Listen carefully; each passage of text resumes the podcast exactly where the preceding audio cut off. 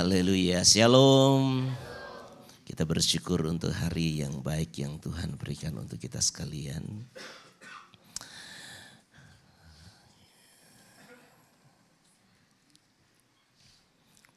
Kita bersuka cita karena hari ini kita boleh memperingati hari kenaikan Tuhan Yesus ke sorga. Mari boleh salam kiri kanan katakan selamat hari kenaikan Tuhan Yesus. Haleluya, puji Tuhan.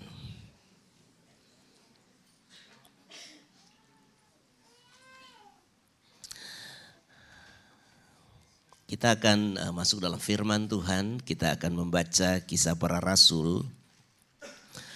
Pasal yang pertama, ayat yang ke-6 sampai dengan ayat yang ke-11. Kisah para rasul pasal yang pertama, ayat 6 sampai dengan ayat yang ke-11. Oke, kalau sudah ketemu semua saya jemput kita bangkit berdiri, kita hormati pembacaan firman Tuhan. Kisah para rasul pasal yang pertama ayat 6 sampai 11 kita baca bersama 2 3. Maka bertanyalah mereka yang berkumpul di situ, Tuhan maukah engkau pada masa ini memulihkan kerajaan bagi Israel? Jawabnya, engkau tidak perlu mengetahui masa dan waktu yang ditetapkan Bapa sendiri menurut kuasanya tetapi kamu akan menerima kuasa kalau roh kudus turun ke atas kamu. Dan kamu akan menjadi saksiku di Yerusalem dan di seluruh Yudea dan Samaria dan sampai ke ujung bumi. Sesudah ia mengatakan demikian terangkatlah ia disaksikan oleh mereka dan awan menutupnya dari pandangan mereka. Ketika mereka sedang menatap ke langit waktu ia naik itu tiba-tiba berdirilah dua orang yang berpakaian putih dekat mereka dan berkata kepada mereka, "Hai orang-orang Galilea, mengapakah kamu berdiri melihat ke langit? Yesus ini yang terangkat ke sorga meninggalkan kamu akan datang kembali dengan cara yang sama seperti kamu melihat dia naik ke sorga." Katakan amin. Puji Tuhan dipersilakan duduk. Bapak Ibu Saudara yang terkasih, saya akan menyampaikan sebuah firman Tuhan yang Eh, berputar di sekitar peristiwa kenaikan Tuhan Yesus. Ada tiga hal penting saudara-saudara yang Tuhan Yesus sampaikan sebelum dia naik ke surga. Ada tiga hal penting yang ada di sekitar kenaikan Tuhan Yesus atau seputar kenaikan Tuhan Yesus. Yang pertama itu adalah kepastian adanya sorga. Bapak Ibu Saudara yang terkasih dalam Tuhan Yesus Kristus. Masalah terbesar manusia adalah kefanaan. Masalah terbesar manusia adalah kefanaan. Yaitu hidup kita tidak selamanya. Ini masalah terbesar manusia. Dan masalah terbesar ini muncul akibat dosa. Jadi karena manusia jatuh dalam dosa, maka manusia yang diciptakan sama dengan Allah, yang salah satu unsurnya adalah kekal itu menjadi fana sifatnya. Menjadi sementara. Seumur panjang apa pun seseorang, dia pasti akan berakhir. Dan kenaikan Yesus ke sorga memastikan bahwa orang-orang yang ada di dalam Yesus itu tidak hidup fana lagi karena Yesus menyiapkan sorga untuk kita.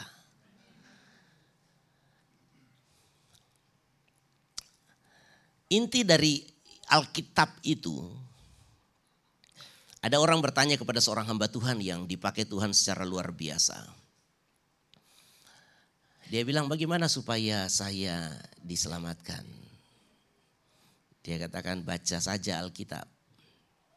Aduh Bapak Pendeta Alkitab tebal sekali terlalu lama untuk menyelesaikan. Kita menyelesaikan baca Alkitab mesti setahun. Lama sekali. Bahkan ada anak-anak Tuhan juga tidak selesai-selesai ya. Baca Alkitab. Nah kalau kau bilang lama, mau ngabisin ya saya kasih yang lebih pendek. Yaitu baca saja perjanjian baru. Aduh masih panjang. Masih tebal pak. Ya sudah baca empat Injil. Aduh saya sudah pengen sekali. Terlalu panjang empat Injil. Ya sudah kalau mau lebih ringkas baca Injil Yohanes. Masih panjang Injil Yohanes. Aduh bagaimana. Tetapi begini, kau baca pasal yang ketiga dari Injil Yohanes. Enggak pak, saya pengen intinya. Dia bilang baca Injil Yohanes 3 ayat 16. Dan saudara yang terkasih, ini memang inti dari Injil. Jadi kalau saudara mau berkata tentang Alkitab, maka intinya adalah proyek keselamatan. Kalau tidak ada proyek keselamatan, dari Injil Yohanes 3 ayat 16 ke belakang tidak perlu ada. Dari Injil Yohanes 3 eh, ayat 16 ke depan juga tidak perlu ada. Karena sudah selesai. Untuk apa? Jadi Injil Yohanes pasal 3 ayat 16 itu adalah inti dari Injil. Dan inti dari Injil adalah kasih yang menebus dosa dan membawa hidup yang kekal kembali kepada manusia. Haleluya. Yang hidupnya hancur karena dosa. Dan fasilitas untuk hidup yang kekal itu apa? Sorga yang dipastikan oleh Yesus ketika dia naik ke sana. Haleluya. Jadi kalau saudara berbicara tentang kasih Bapa, itu puncaknya adalah kebersamaan kita dengan dia. Jadi puncak dari kasih Bapa itu adalah kebersamaan kita dengan Dia. Dan untuk kebersamaan ini Dia memberikan anaknya yang tunggal menebus dosa kita. Puncak kebersamaan dengan Yesus itu adalah melaksanakan proyek keselamatan. Pergilah, jadikanlah semua bangsa muridku. Mengapa? Karena Yesus kita biasa panggil Tuhan. Ketika kita hubungan dengan Yesus sebagai Tuhan, maka kita menjadi hamba. Dan hubungan Tuhan dan hamba puncaknya adalah pekerjaan. Melakukan apa yang Yesus perintahkan. Tetapi dengan Bapa itu kasih sayang saudara-saudara. Dan Bapa itu selalu pengen bersama-sama dengan anaknya. Dan untuk itu dia menyiapkan sorga untuk kita. Sekali lagi kepastian adanya sorga itu adalah kenaikan Yesus ke sana. Dan dia berjanji dia akan datang kembali membawa kita tinggal bersama-sama dengan Bapa. Haleluya. Hari ini saudara-saudara saya bangun dengan berita yang mendukakan saudara-saudara. Karena tadi malam jam 2. Biasa kalau orang Hokian panggil no No itu uh, kakak tertua dari mama. Kami panggil Noklan. Atau kami panggil suka panggil kadang-kadang Iklan. Karena semua saudara mama perempuan kami panggil I jadi tidak pakai urutan. Biasa yang benar kami panggil Noklan, orang Hokian. Tadi pagi jam 2 meninggal dunia. Jadi saya ini sebenarnya ada di masa uh, saya berduka. Ibu Gembala uh, agak bercanda-bercanda tapi saya tidak bisa bercanda pagi ini. Lagu pertama tadi saya tidak bisa nyanyi. Tapi saya cuma ngomong sama Tuhan. Saya percaya no saya ini sudah bersama dengan dia di Firdaus. Saya cuma berkata dalam hati sampai ketemu di sana. Sampai ketemu di sana. Mengapa? Karena Yesus naik ke sorga. Kalau Yesus naik ke sorga, sampai ketemu di mana? Semua sudah selesai. Kita dan ayam sama saja. Jadi kita dan ayam sama saja. Kita dan kambing sama aja. Kita dengan mujair sama aja. Yaitu hanya hidup, mati dan selesai. Tetapi bagi kita manusia berbeda. Kita anak-anak Tuhan perlu bersyukur.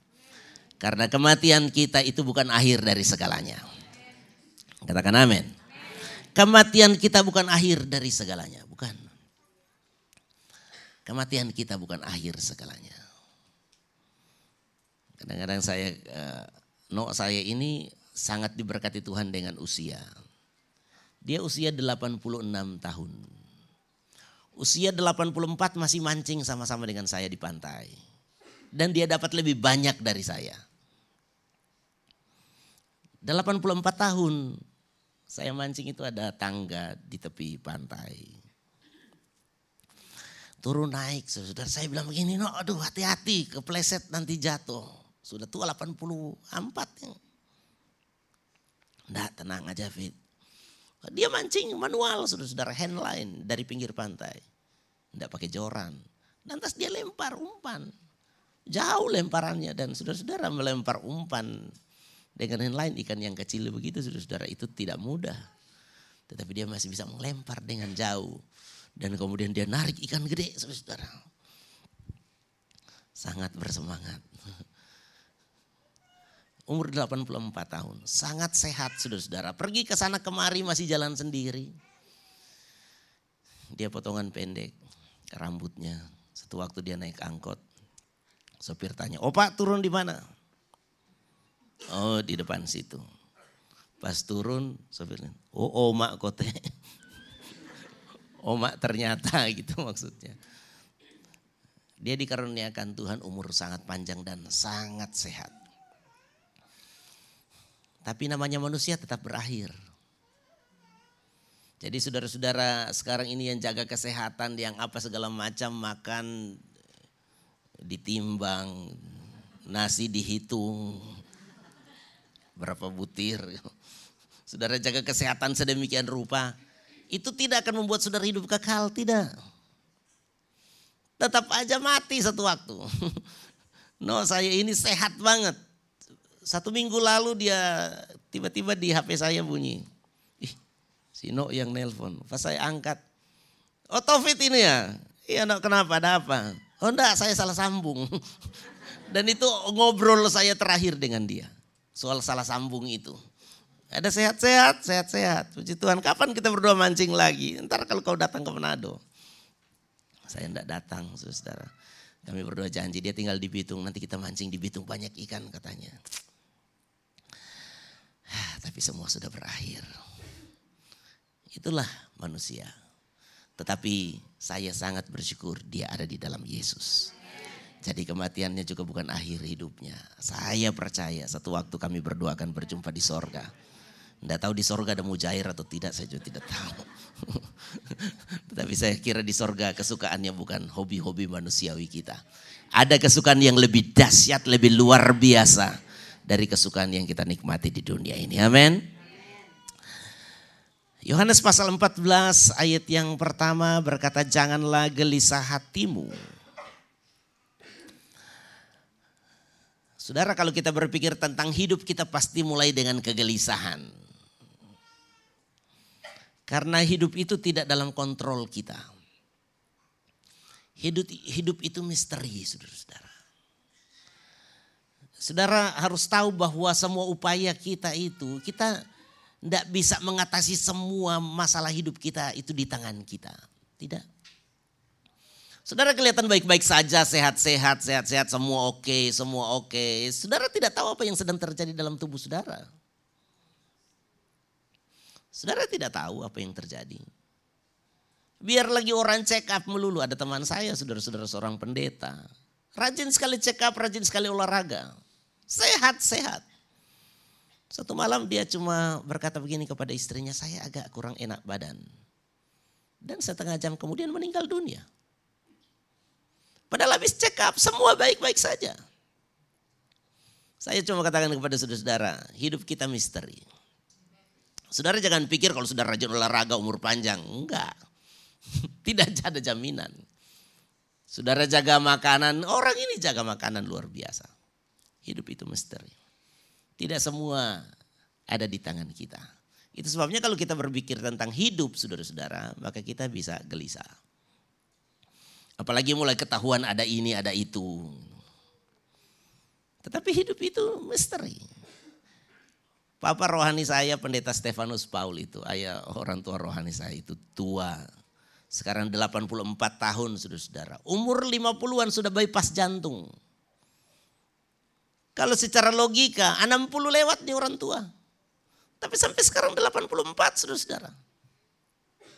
Tidak main badminton untuk olahraga.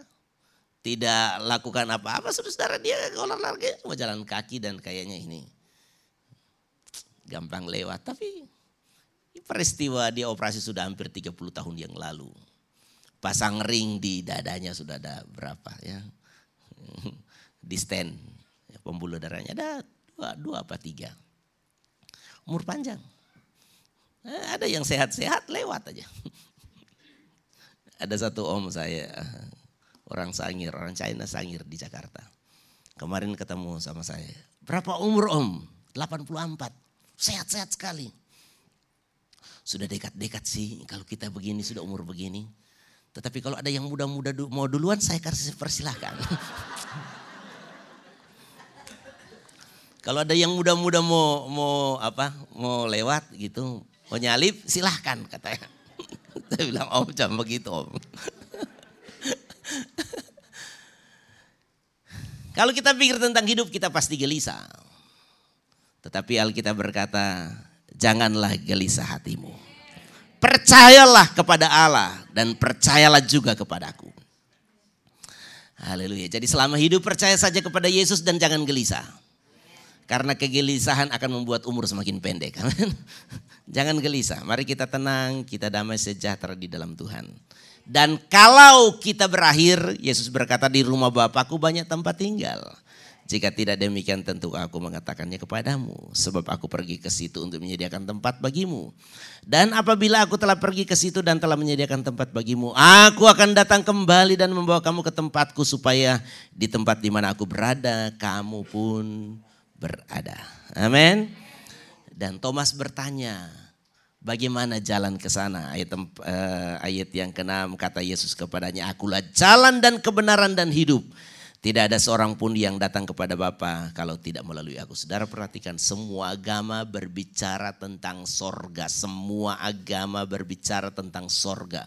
Karena kegelisahan paling utama setiap manusia di dunia ini. Kristen bukan Kristen. Sampai orang kafir ateis. Di satu titik dia pasti akan berpikir tentang hidup sesudah kematian. Mengapa? Karena Tuhan taruh itu di dalam roh kita. Untuk menyadarinya. Kenapa orang semua cari Tuhan walaupun orang goblok-goblok di atas gunung zaman batu segala macam. Sampai kemudian mereka menyembah pohon, menyembah kuda, menyembah eh, buaya, termasuk buaya darat. Animisme itu saudara-saudara pakai apa segala macam saudara-saudara. Mengapa semua melakukan hal itu? Mengapa? Karena Tuhan menaruh kesadaran akan Tuhan dan kekekalan itu di dalam roh manusia. Sekalipun otak tidak nyambung tetapi di dalam diri manusia itu ada sebuah kegairahan untuk mencari. Mungkin ketika dia masih kuat, masih senang, masih segala macam. Itu tertutup dengan aktivitasnya. Tetapi coba kalau dia sudah mulai lemah. Maka semua akan kembali. Kalau saya mati, bagaimana ya? Saudara yang terkasih karena Tuhan menaruh kesadaran. Dan semua agama berbicara tentang kehidupan kekal. Tetapi Yesus berkata, akulah jalan dan kebenaran dan hidup. Dan hanya Yesus yang berani berkata. Hanya Yesus yang berani berkata. Sudah 2000 tahun yang lalu dia katakan dan hari ini 2 miliar orang percaya. Hanya Yesus yang berani berkata. Tidak ada seorang pun yang datang kepada Bapa. Yang memiliki sorga itu. Kalau tidak melalui aku. Hanya Yesus yang berani. Yang lain enggak. Yang lain berkata ikuti ajaranku. Yesus berkata akulah kebenaran itu. Akulah jalan itu. Haleluya. Saya sangat percaya saya pasti masuk surga. Mengapa? Karena saya punya jalan.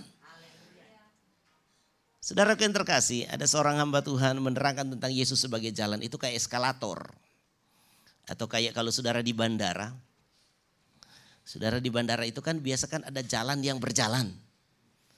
Jadi kalau kita naik di jalan itu walaupun kita berdiri, jalan itu tetap jalan. Dan kita akan sampai di tujuan walaupun cuma berdiri. Yesus itu kayak begitu. Yesus itu jalan yang berjalan. Kita tinggal di dalam dia sampai sorga. Agama lain mesti jalan saudara. Dan saudara tahu jalan mereka putus di tengah jalan. Yesus jalan yang berjalan membawa kita ke sorga. Memang saudara-saudara, itu sebabnya orang Kristen kadang-kadang pandang remeh. Banyak orang agama lain perilakunya lebih baik. Akhlaknya lebih baik ibadahnya lebih serius. Mengapa? Karena keselamatan mereka ditaruh di atas semua itu. Mereka harus supaya dapat. Mereka, saya harus berbuat, saya harus melakukan, saya harus jadi orang baik, saya harus ini, saya harus itu. Mengapa? Karena keselamatan terletak pada dirinya sendiri. Kalau saya tidak, maka saya pasti mati. Kita orang Kristen agak beda. Ada Yesus yang menjadi juru selamat kita. Saudara tahu orang eh, ini misalnya kolam renang. Kamu kalau mau pergi ke sana saya kasih aturannya. Kau mesti berenang. Gayanya begini. Dan kemudian orang itu mulai berenang. Maka dia akan berenang sangat sungguh-sungguh supaya sampai di seberang mengapa? Dia cuma dapat cara. Amin. Dia dapat apa saudara-saudara? Cara untuk sampai ke seberang, yaitu berenang. Yang berenang siapa? Bukan dia kasih cara, tetapi dia sendiri mesti berenang. Kita tidak. Kita punya juru selamat. Dan juru selamat kita jago berenang. Nah, saya mau tanya kepada saudara-saudara. Kalau engkau sudah dipegang juru selamatmu. Dia jago berenang. Saudara perlu berenang? Kalau saudara Isa mau berenang boleh. Tetapi saudara dengan tidak berenang pun engkau pasti selamat. Karena ada yang bawa saudara. Amin. Kalau percaya kepada Yesus, engkau menerima dia sebagai Tuhan dan Juru Selamat, maka Yesus yang akan bawa kita ke sorga. Memang saudara-saudara, keharmonisan dengan Yesus itu penting. Tetapi bukan segalanya. Katakan amin. Saya pernah nolong adik saya yang tenggelam. Tidak bisa berenang. Tetapi tetap selamat. Mengapa? Ada juru selamat. Saya juru selamatnya. Saya yang bisa berenang. Pas saya mau tangkap dia tendang saya. saya juga hampir mati. Karena saya juru selamat yang payah. Tetapi saya sudah ingat teorinya. Jadi kalau mau selamatkan orang yang gak bisa berenang, jangan main halus. Mau mati sama-sama harus rada kasar. Jadi pas saya mau tangkap dia, dia tangkap saya. Kan karena dia ketakutan. Dan yang saya tolong sekali dua anak. Mereka tangkap saya dan mereka pengen untuk bernapas. Mereka dorong saya, saya yang hampir nggak bernafas. Kemudian saya tangkap mereka berdua dan saya dorong. Setelah mereka jauh, luk, luk, luk, saya tangkap dari belakang bertu saya berenang bawah. Sampai di darat. Mereka tidak bisa berenang, tetapi selamat. Mengapa? Ada juru selamat. Keselamatan mereka tidak tergantung di tangan mereka, tetapi di tangan saya. Nah engkau masuk surga itu kayak begitu. Saudara ngaco-ngaco. Ada dosa-dosa, tetapi itulah keistimewaan kita. Kita punya Yesus juru selamat kita. Kita pasti masuk surga. Karena Yesus juru selamat kita. Amin. Kita kadang-kadang jalan di jalan itu ya. Saudara kalau saya di jalan di bandara saya jalan. Saya jalan santai tetapi saya jauh lebih cepat dari orang yang jalan cepat di samping saya. Mengapa? Karena jalan saya berjalan. Amin. Yesus itu dahsyat luar biasa. Dia juru selamat kita. Jangan gelisah hatimu. Saudara ndak usah perlu tahu jalur ke sana lewat mana karena memang tidak ada di GPS. Saudara ketik sorga. Kemudian dia bilang oke okay, dari sini engkau uh, head north atau apa gitu kalau di oh, menghadap ke utara, kemudian jalan depan turn right or turn left, turn right, kemudian naik ke atas. Tidak saudara. Yesus yang akan bawa kita ke sana. Pada akhir zaman dia akan datang kembali dan menjemput kita. Dan kita akan sampai di sana. Haleluya. Mari kita tepuk tangan yang meriah dulu untuk Tuhan Yesus. Haleluya. Yesus engkau luar biasa. Engkau baik untuk kita. Haleluya. Yang kedua. Markus pasal yang ke-16 ayat yang ke-15 sampai 17.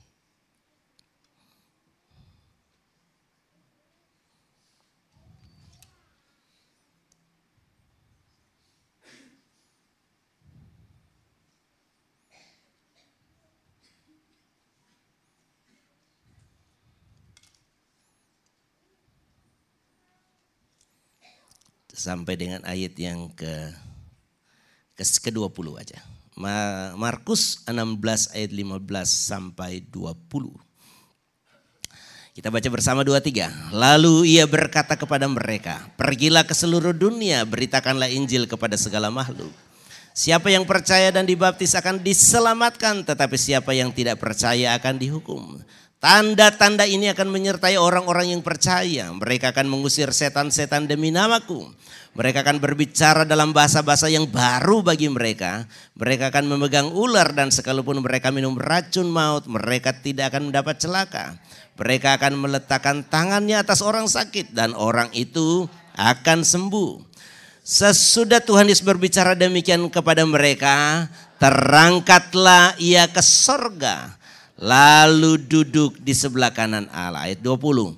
Mereka pun pergilah memberitakan Injil ke segala penjuru dan Tuhan turut bekerja dan meneguhkan firman itu dengan tanda-tanda yang menyertainya. Jadi inilah yang saya katakan sebagai puncak hubungan kita dengan Yesus. Puncak hubungan kita dengan Yesus kita menjadi hamba yang baik darinya. Yaitu apa? Harus menerjunkan diri di dalam tugas tugasnya, misinya Yesus itu. Dan saudara ini penting. Tidak ada orang yang mau berpisah. Lantas pesannya ecek-ecek punya. Tidak ada. Orang sudah mau putus napas, sudah mau mati, pesannya angkat jemuran. Ini cu kumpul. Kalau kakek mati ya, kalau kamu masak air pas dia blub blub blub blub blub, matiin kompor.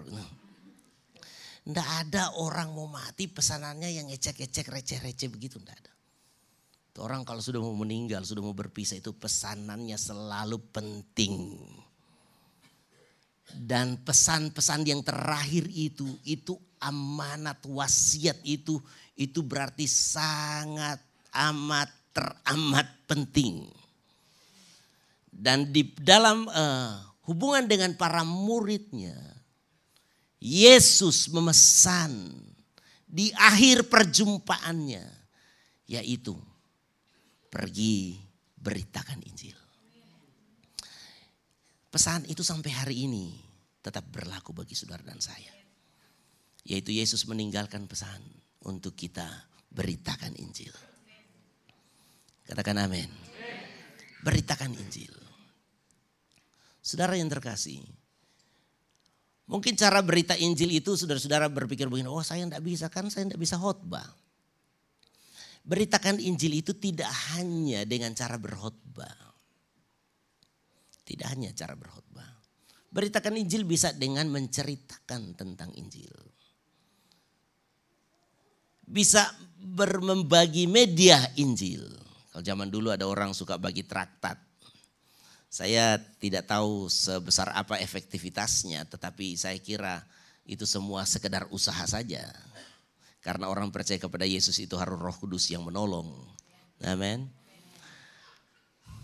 Ada banyak teknik nyebarin traktat. Ada satu orang Kristen yang suka sekali nyebarin traktat. Traktat saudara tahu kayak kayak apa? Itu bahasa lama soalnya. Kayak brosur brosur tentang keselamatan uh, kita orang berdosa dan itu. Di satu daerah yang sangat fanatik, saudara-saudara, dia bingung bagaimana cara untuk menyebarkan brosur. Dia punya toko. Akhirnya dia dapat hikmat dari Tuhan. Dia taruh dia taruh di meja pinggir jalan brosur-brosur itu. Bersama dengan barang-barang gitu. Eh, kemudian eh, orang datang, ya silakan kalau yang mau ngambil ngambil, yang mau ngambil ambil. Kayak gratis begitu barang gratis mau ambil. Nah satu waktu sampai kepada yang punya wewenang untuk uh, melarang yang kasih aturan untuk melarang itu. Dan dia dipanggil. Kenapa kamu nyebarin ini? Ya, kan nggak boleh, kekristenan tidak boleh begini, begini, begini segala macam. Lantas dia bilang, sorry saya nggak nyebarin brosur. Saya punya barang saya pajang, orang yang ngambil. Jadi kalau yang salah bukan saya. Dia yang ngambil dan banyak yang ngambil nggak minta izin. Jadi mereka nyolong barang saya. Jadi dia nyolong brosurnya katanya. Saya kan taruh depan toko saya, saya ada di dalam. Ada yang ngambil begitu saja. Ada yang minta izin, ada yang ngambil. Saya tidak sebarin, saya cuma taruh dan mereka yang ambil. Dan Bapak Ibu Saudara, itu adalah tugas kekristenan. Tetapi saya mau sampaikan kepada saudara-saudara bahwa sebenarnya Injil itu yang terbaik adalah bukan Injil yang tertulis di Alkitab. Bukan Injil yang tertulis di brosur Bukan Injil yang diucapkan, tetapi Injil yang dihidupi. Ada seorang, ada dua orang teolog yang berdiskusi. Satu bilang begini, waduh saya paling cinta ini terjemahan ini. Saya suka terjemahan itu, dia sudah bilang segala macam terjemahan Alkitab. Tetapi ada satu teolog muda berkata begini, saya sih ini senang dengan semua terjemahan, tetapi ada satu terjemahan favorit saya yang membuat saya bertobat, yaitu terjemahan ibu saya. Bingung, emang ibu kamu nyetak Alkitab? perusahaan, punya perusahaan, enggak. Ibu saya punya terjemahan Alkitab yang paling bagus yang membuat saya bertobat. Terjemahan apa? Ibu saya menerjemahkan Alkitab dalam perilakunya. Jadi firman itu diterjemahkan dalam ucapannya, dalam sikap hidupnya, di dalam perbuatannya. Dan saya bertobat karena Alkitab yang terjemahan model begini. Jadi saudara yang terkasih, Injil itu bisa saudara omongin. Tetapi Injil yang paling berkuasa adalah Injil yang kita hidupi. Amin. Kita menjadi Yesus hari ini. Kasihmu, cara pandangmu, cara ngomongmu, uh, penjangkauanmu, saudara engkau yang jadi Yesus hari ini. Saya mau katakan kepada saudara-saudara bahwa kadang-kadang kita sulit untuk untuk mulai ngomong dengan orang. Ayo percaya kepada Tuhan Yesus. Tetapi orang yang punya Injil di dalam hidupnya, orang yang akan bertanya bagaimana atau apa yang harus saya kerjakan supaya saya diselamatkan. Alkitab menyatakan itu. Orang bertanya bagaimana supaya saya diselamatkan. Tetapi sebenarnya begini saudara-saudara, cara bukan segalanya. Bagaimana engkau menginjil bukan segalanya. Tetapi yang segalanya adalah ketika engkau menerima bahwa tugas penginjilan itu adalah tugas yang penting. Engkau menyikapinya dengan benar dan engkau rindu untuk memberitakan Injil keselamatan. Amin. Dan Tuhan akan menuntun engkau menemukan caranya. Dan orang akan menerima Yesus sebagai Tuhan dan Juru Selamat. Amin. Bagi kami saudara-saudara, bagi saya panggilan saya memberitakan Injil adalah dengan membuka gereja. Saya belajar teori-teori yang bagus dan hasil orang bawa ke gereja atau ke mana, saya yang bagian ngajarnya dan saya tantang dia untuk terima Yesus. Itu sudah sejak saya masih pengerja. Ada teman saya, ih tolong injili ini. Jadi dia bisa bawa orang tetapi dia tidak bisa ngomong. Saya suruh duduk, saya ngomong sampai dia dibaptis. Itu gaya saya. Nah, saudara punya gaya masing-masing. Ada yang tidak bisa nginjil, tetapi perilakunya menarik orang. Dan apa yang dia kerjakan cuma bawa orang ke gereja. Suruh duduk di gereja, ayo kita ke gereja. Dan kemudian tugasnya siapa? Ya tugas saya. Untuk apa? Untuk berkhotbah saudara. Untuk ngajar, nyemplungin orang ke SPK. Saya ngajar, orang bertobat. Itu masing-masing. Alkitab berkata begini saudara-saudara. Guru saya, dosen saya mengajarkan begini. Bahwa menginjil itu tidak perlu satu membawa satu. Karena kita kalau disuruh satu bawa satu langsung tawar hati. Satu rombongan bawa satu tapi terus menerus itu jauh lebih bagus. Jadi ada bagian manggil, ada di bagian ngobrol, ada bagian menginjil, ada bagian baptis. Itu ngomong. Itu Alkitab berkata begini tentang ketika mereka menjala ikan. Kan Tuhan Yesus berkata kepada Petrus, aku akan uh, membuat engkau menjadi penjala manusia. Satu waktu Petrus menjala dan dia tidak bisa narik. Kemudian mereka memanggil orang lain bantu tarikin. Nah, jadi saudara-saudara kalau mau jangkau jiwa lantas kita nggak bisa tarik sendiri ajak teman. Ayo kita serbu tarik rame-rame. Amin.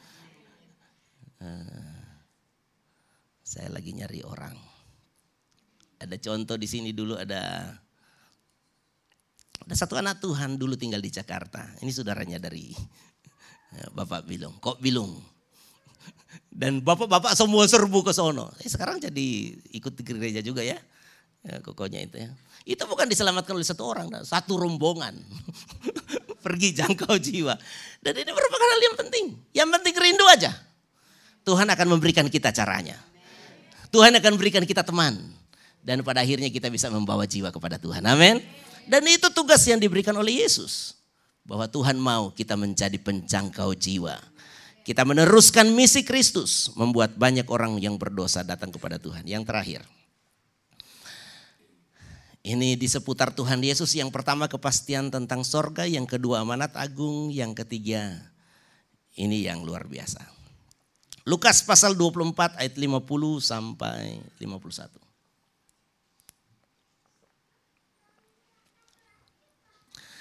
Kita baca bersama dua tiga. Lalu Yesus membawa mereka keluar kota sampai dekat Betania. Di situ ia mengangkat tangannya dan memberkati mereka. Dan ketika ia sedang memberkati mereka, ia berpisah dari mereka dan terangkat ke sorga. Katakan amin. Jadi Tuhan Yesus terangkat ke sorga itu bukan begini tangannya. Dadah. Atau lagi diam-diam tiba-tiba hilang. Tidak saudara-saudara. Yesus berbicara tentang sorga, Yesus berbicara tentang penginjilan. Yesus berbicara tentang janji Bapa. Dan gaya Yesus terangkat ke sorga itu banyak digambar. Yesus mengangkat tangan dan memberkati. Jadi Yesus itu naik ke sorga gayanya begini. Bukan begini, kalau begini, begini itu Superman. Superman kan? Itu Superman. Yesus itu terangkat ke sorga itu tangannya sementara memberkati. Dan kemudian dia naik ke sorga. Apa artinya? Sejak Yesus naik ke sorga sampai hari ini, tangannya belum turun. Tidak diceritakan dia menurunkan tangan. Saya percaya sampai sekarang bukan tangan fisiknya, tetapi berkatnya terus mengalir bagi kita. Haleluya. Berkatnya tidak berhenti. Jadi Yesus meninggalkan kita memang dengan tugas tetapi dengan tugas yang disertai berkat. Katakan amin. Jadi Bapak Ibu Saudara, mengapa setiap ibadah kita memberkati? Mengapa? Karena memang Yesus naik ke sorga meninggalkan berkat bagi kita. Amin. Jadi kalau saudara ada yang susah, saudara harus ingat, Yesus naik ke sorga dengan meninggalkan berkat bagi saya. Tuhan sementara memberkati dan dia naik ke sorga. Termasuk hari ini, kalau ada di antara saudara sedang gelisah dalam kesulitan, dalam pergumulan, Yesus meninggalkan berkat bagi saudara. Dia naik ke surga dengan meninggalkan berkat bagimu. Saya sungguh percaya bahwa saya akan hidup di dunia ini dengan keadaan yang baik. Mengapa? Karena ada berkat dari Yesus untuk saya. Berkat untuk apa? Untuk segala hal. Karena berkat Yesus sempurna berkat untuk kesehatan kita, berkat untuk damai sejahtera kita, berkat untuk keluarga kita, termasuk berkat ekonomi kita. Tuhan akan memberkati kita dalam segala hal. Katakan amin. Kalau kita ingat berkat Tuhan, itu sama dengan Yusuf, saudara-saudara. Karena Tuhan memberkati Yusuf, maka sekalipun ada orang membenci dia, Sekalipun ada orang berniat jahat kepadanya. Sekalipun orang sudah melakukan hal yang buruk kepadanya. Sekalipun orang sudah memfitnah dia. Sekalipun mereka memutuskan hal yang buruk sehingga dia dimasukkan dalam penjara. Semua itu tidak akan dapat menghambat berkat Tuhan. Katakan amin. Jadi saudara-saudara kalau saudara hari-hari ini sedang takut, kecewa, gelisah, ini ada orang niat jahat sama saya. Nggak usah khawatir. Berkat Tuhan dapat mengalahkan segalanya. Amin. Bahkan mungkin satu waktu kelihatan seperti berhasil orang yang berniat jahat. Ketika Ruben dan saudara-saudaranya menyemplungkan Yusuf ke dalam perigi, Yusuf memang masuk ke dalam perigi. Seperti sukses dia orang. Tetapi berkat itu saudara-saudara akan membuat semua hal yang buruk menjadi langkah-langkah untuk kebaikan. Katakan amin. Kemudian mereka jual. Eh, kalau mereka tidak jual Yusuf tidak sampai di Mesir. Yusuf tidak ketemu Potifar di rumah Potifar, Yusuf cuma hamba, tetapi hamba yang diberkati. Sehingga dihormati, tetapi tidak cukup. Masih ada niat orang juga yang buruk. Memfitnah Yusuf, padahal yang gatel dia. Kan saudara-saudara, tetapi memang begitu saudara-saudara. Dunia ini selalu berniat tidak baik untuk kita. Tapi percayalah, sekalipun kadang-kadang kelihatan seperti berhasil. Dan ketika dia fitnah sukses. Amin. Tidak ada malaikat turun dari sorga dan kemudian tampar si mulut si perempuan itu kan. Istri Potifar. Joleha katanya namanya. Tidak ada yang tampar si mulut Juleha itu, tidak ada. Tetap sukses. Kemudian saking emosi Potifar tidak nanya dulu. Tidak dia cek, buka CCTV, coba lihat rekaman, siapa yang goda. Ya, itu memang belum ada kan. Tidak ada saudara-saudara. Langsung cemplungin di, di penjara. Sampai di penjara dia sudah berbuat jasa, tetap dilupakan. Tetapi saya mau katakan berkat Tuhan itu akan mengalahkan semua tantangan. Semua hambatan, semua niat jahat. Karena berkat itu sempurna, berkat itu penuh dengan kuasa. Berkat itu akan bawa terobosan. Saudaraku yang terkasih tahun ini tahun terobosan bagi saudara. Kalau Tuhan memberkati engkau, tidak peduli berapa banyak tantangan, Berapa banyak orang yang berniat tidak baik kepada saudara. Tidak peduli. Berkat itu akan melewati segalanya. Berkat itu akan membuat engkau mengatasi segalanya. Berkat itu akan membuat engkau menjadi orang-orang yang luar biasa. Saudara percaya amin? Saudara percaya amin? Saya punya teman-teman pengusaha banyak yang menjadi saksi. Mereka memberikan kesaksian kepada saya. Ketika di krisis paling puncak beberapa tahun yang lalu saya tanya bagaimana? Kau punya usaha, oh aman. Kenapa aman? Sales saya hebat. Kau rekrut dari mana? Anak Tuhan bukan? Oh bukan. Sales kamu siapa? Juru selamat saya. Oh Tuhan Yesus. Saya tanya, iya. Kok bisa begitu? Saya tidak tahu. Orang datang customer dari mana? Saya tanya kau tahu saya dari mana? Ya enggak tahu, tiba-tiba tahu saja dan kami datang. Mengadakan transaksi dan untung ratusan juta rupiah. Saya mau sampaikan kepada saudara-saudara, juru selamatmu luar biasa. Katakan amin. Mujizat Tuhan tetap ada sampai hari ini. Dia tidak akan mengecewakan engkau. Karena memang dia sudah memberkati engkau. Mari semua bangkit berdiri. Haleluya Tuhan Yesus baik.